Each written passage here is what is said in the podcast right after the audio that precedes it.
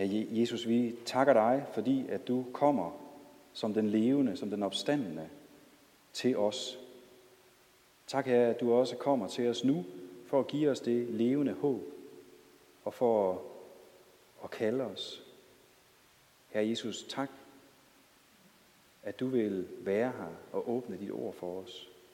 Amen. Vi skal i respekt for Guds ord rejse os og høre evangelieteksten til første søndag efter påske fra Johannes kapitel 21. Da de havde spist, siger Jesus til Simon Peter, Simon, Johannes' søn, elsker du mig mere end de andre? Han svarede, ja herre, du ved, jeg har dig kær. Jesus sagde til ham, vogt mine lam. Igen for anden gang sagde han til ham, Simon, Johannes' søn, elsker du mig? Han svarede, ja herre, du ved, at jeg har dig kær. Jesus sagde til ham, vær hyrde for mine får. Jesus sagde til ham for tredje gang, Simon, Johannes' søn, har du mig kær? Peter blev bedrøvet, fordi han for tredje gang spurgte ham, har du mig kær? Og han svarede ham, Herre, du ved alt. Du ved, at jeg har dig kær. Jesus sagde til ham, vogt mine får. Sandelig, sandelig siger jeg dig. Da du var ung, bandt du op om dig selv og gik, hvorhen du ville. Men når du bliver gammel, skal du strække armene ud, og en anden skal binde op om dig og føre dig derhen, hvor du ikke vil. Med de ord betegnede han den død, Peter skulle herliggøre Gud med. Og da han havde sagt det, sagde han til ham, følg mig. Amen.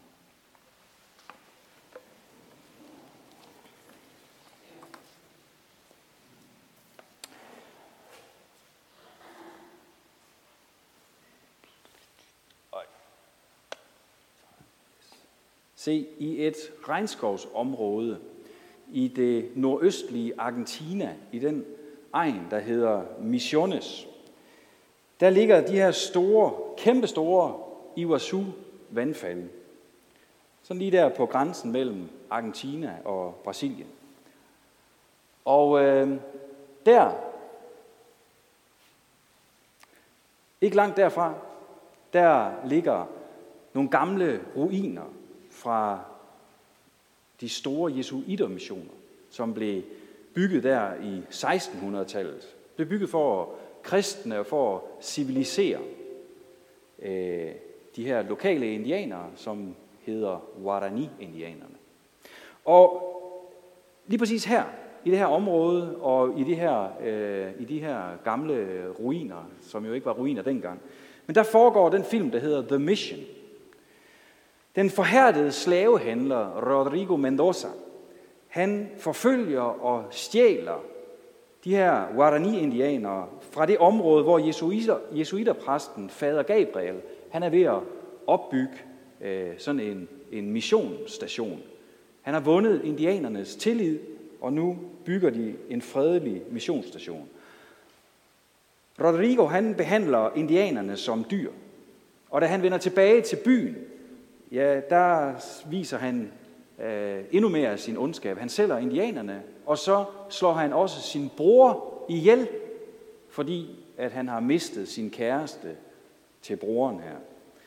Og derefter så synker Rodrigo ned i en dyb, dyb depression. Han har ikke lyst til at leve.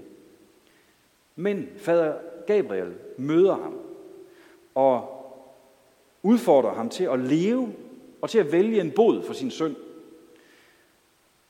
Rodrigo han vælger så at følges med de her præster øh, på den der hårde tur op igennem de der vandfald, som vi så før.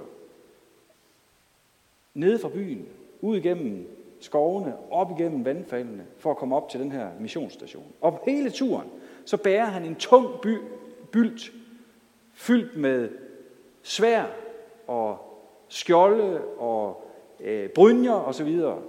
En enorm tung byrde, han bærer på. Det skal vi se et filmklip, der viser den her tur, og hvad der så sker. Rodrigo, han blev forløst. Det var et fantastisk udtryk for, hvordan forandring sker, hvordan forløsning sker, hvad det er, der, der, der sker for vi mennesker, når vi har et levende håb. Fordi det var jo ikke den tunge byrde, det var ikke boden, der satte ham fri. Det var ikke det, der forandrede ham. Det var ikke hans forsøg på at gøre noget godt igen og på at reparere noget, der satte ham fri. Det, der når ind til hans hjerte og forandrer hans liv, det er, at de samme mennesker, som han har forbrudt sig imod, de tilgiver ham. Det var de her indianer, det var deres slægtninge, det var deres venner, det var deres familie. Han havde stjålet og solgt. Han havde fortjent, at de skar halsen over på ham. Han havde fortjent, at de kastede ham i vandfaldet. Men i stedet så skærer de byrden af ham og tilgiver. Det er præcis det samme, der sker for Peter i den beretning, vi har læst i dag. Da Jesus han mødte ham på stranden. Peter han var også deprimeret, han var skamfuld, han var håbsforladt efter at have svigtet og forrådt Jesus. Og øhm, der er ingen tvivl om, at Peter, han bar på en lige så tung byrde, som Rodrigo han gjorde. Jesus han kunne med rette have givet Peter kniven og sagt, dig kan jeg ikke bruge, væk med dig. Men lige præcis ham, som han havde svigtet, ham han havde forladt, han tilgiver ham, i stedet for at forkaste ham. Se, en af konsekvenserne af Jesu opstandelse, det er, at nu er der tilgivelse og frihed at få. Selv for den værste forræder, selv for den mest nedrige usling. Fordi Jesus har båret den byrde, vi ikke kan bære.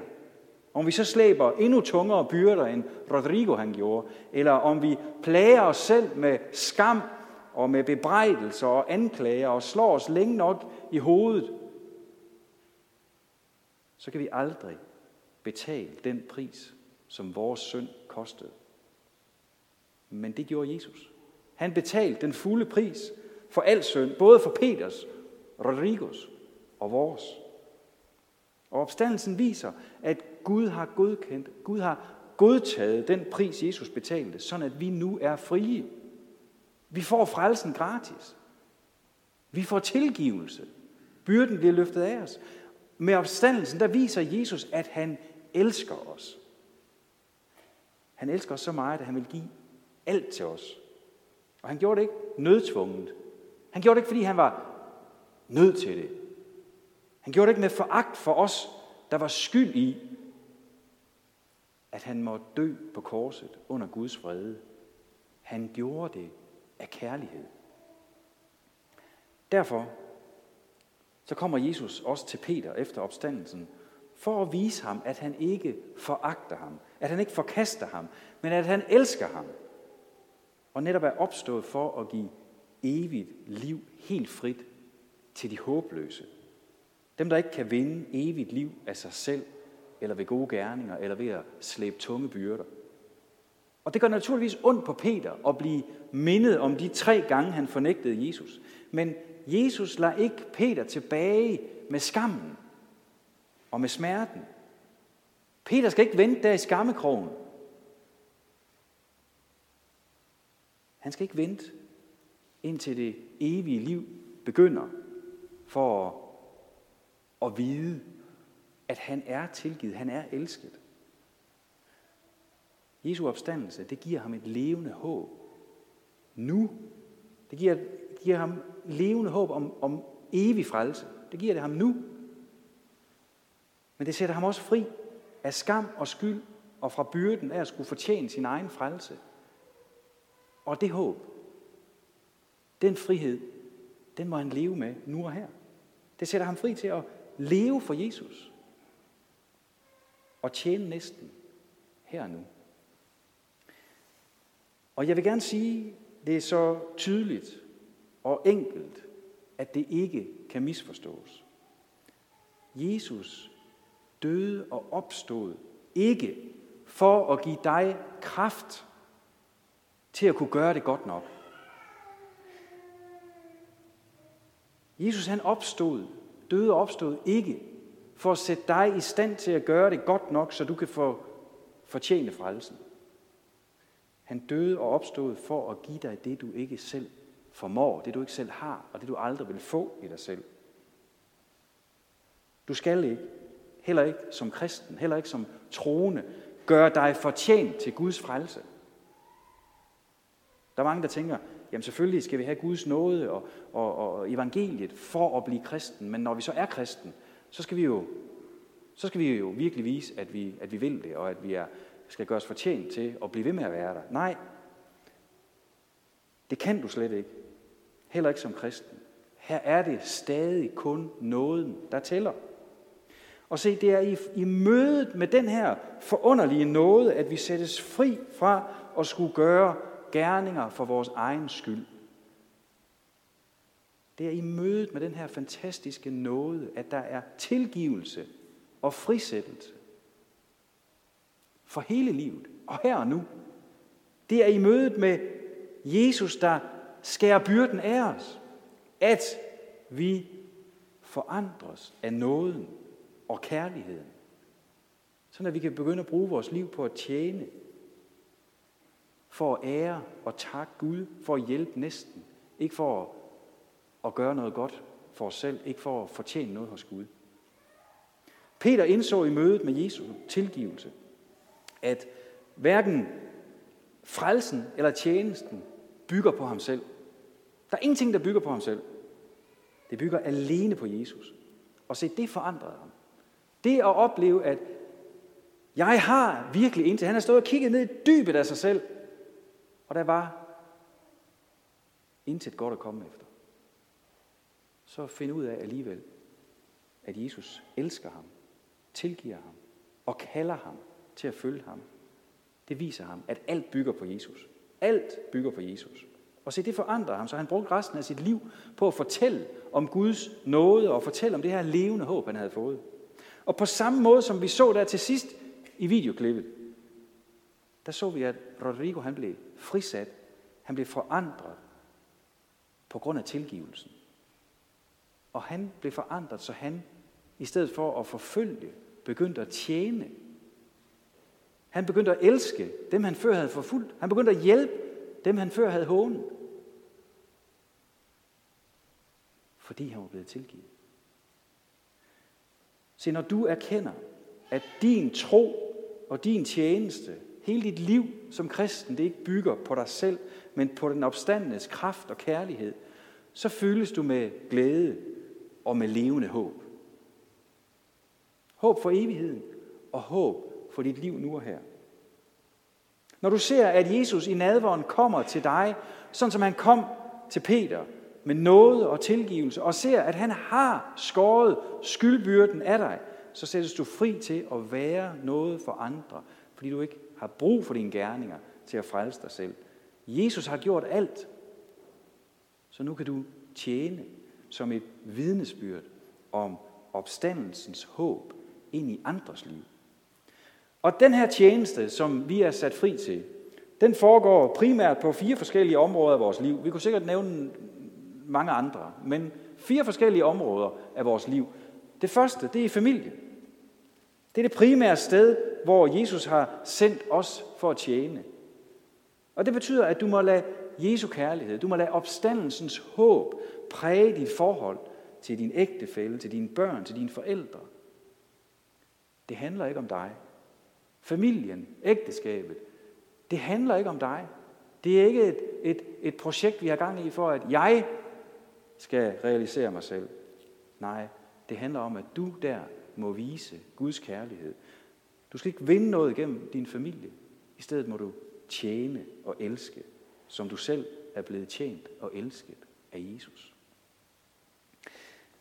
Det næste sted, det er på dit job eller i din skole. Gud har givet dig nogle evner, som du bruger i dit job og ved at gøre dit job godt, ja, så tjener og ærer du ham. Og så det gælder alle slags job. Der er ikke forskel her. Alle slags arbejde er tjeneste for Herren. Ved at være en god og kærlig kollega, der ikke går med på bagtagelse, heller ikke ham, der er den urimelige chef, ja, så viser du venlighed. Du hjælper andre. Du er noget imod dem, der, der fejler. Og på den måde, så vidner du om Jesu kærlighed, så vidner du om, at du lever med et håb, der er langt større end den umiddelbare irritation, det kan være at have en træls kollega, eller de urimelige vilkår, eller hvad det kan være. Du har et håb. Det næste sted, det er i vores relationer i det hele taget, det er i vores samfund. Der må du tjene med hjælp og med venlighed. Det kan du gøre i sportsklubben, det kan du gøre på din gade, det kan du gøre øh, i foredragsforeningen, eller hvor du møder mennesker. Tjen den nødlidende, tjen de socialt dårligt stillede, dem der virkelig har brug for det, fordi der er vi kaldet. Ligesom Rodrigo, han gik ind i en tjeneste, hvor han hjalp de her indianere.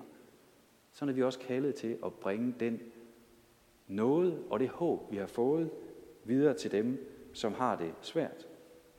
Og også i de her relationer, jamen der kan Jesu kærlighed til dig og det levende håb, det kan skinne igennem. Det kan skinne igennem dig som et lys for andre. Derfor er det vigtigt, at vi ikke lukker os ind i, et, i en lukket kristen ghetto, hvor vi kun er os selv. Hvis vi kun har tid til kristne relationer, så tror jeg, vi tager fejl. Vi må aktivt opsøge relationer, og så må vi tjene der i ord og i handling. Og endelig, så skal vi se, at vi også er tjent. Vi er også er sendt for at tjene i menigheden. Gud har givet os nådegaver. Gud har på en særlig måde udrustet os med forskellige nådegaver, som vi skal bruge i tjeneste for fællesskabet, så han kan virke igennem os til glæde og til gavn for andre. Der er mange forskellige nådegaver, der er mange forskellige opgaver, som alle sammen har værdi. Der er ikke nogen, øh, der er vigtigere end andre. Vi er et fællesskab. Vi er med til at opbygge fællesskabet omkring troen på Jesus med de nådegaver og de tjenester, vi har. Vi er heller ikke i kirke eller i menigheden for at blive opvartet af andre, men for at tjene. På den måde, så sætter Guds nåde, når vi virkelig oplever Guds nåde, oplever, at det er os, der har fået skåret skyldbyrden fri, og at Jesus har genrejst os og har vist os sin kærlighed, så bliver vi sat fri til at tjene. Og det kommer vi jo ikke til at gøre perfekt her søndag eftermiddag, og i hvert fald fra i morgen af. Nej, du kommer til at falde igen. Og når du falder, når du kommer til kort i livet og i alle de her tjenester, vi er sendt i, så må du igen komme og lægge alle dine døde gerninger hos Jesus. Og så må du få noget over noget. Og du må få lov til at vide, at du står fuldkommen ren og perfekt alene i ham. Han bliver ved at være hos dig. Han bliver ved at komme med sin nåde og sin tilgivelse. Amen. Jesus, det takker vi dig for. Takker dig for, at du virkelig lever og er opstået og fylder os med håb og med glæde. Og vi beder om her, at det håb må, må få lov til at, at skinne igennem i, i de forskellige relationer, vi er i. Lad det skinne igennem i vores liv her, i vores hverdag. Herre Jesus, tak, at du også kommer til os, som du kom til Peter, og forvisser os om, at du elsker os og viser os, at alt bygger på dig. Herre, vis os din nåde hver dag. Amen.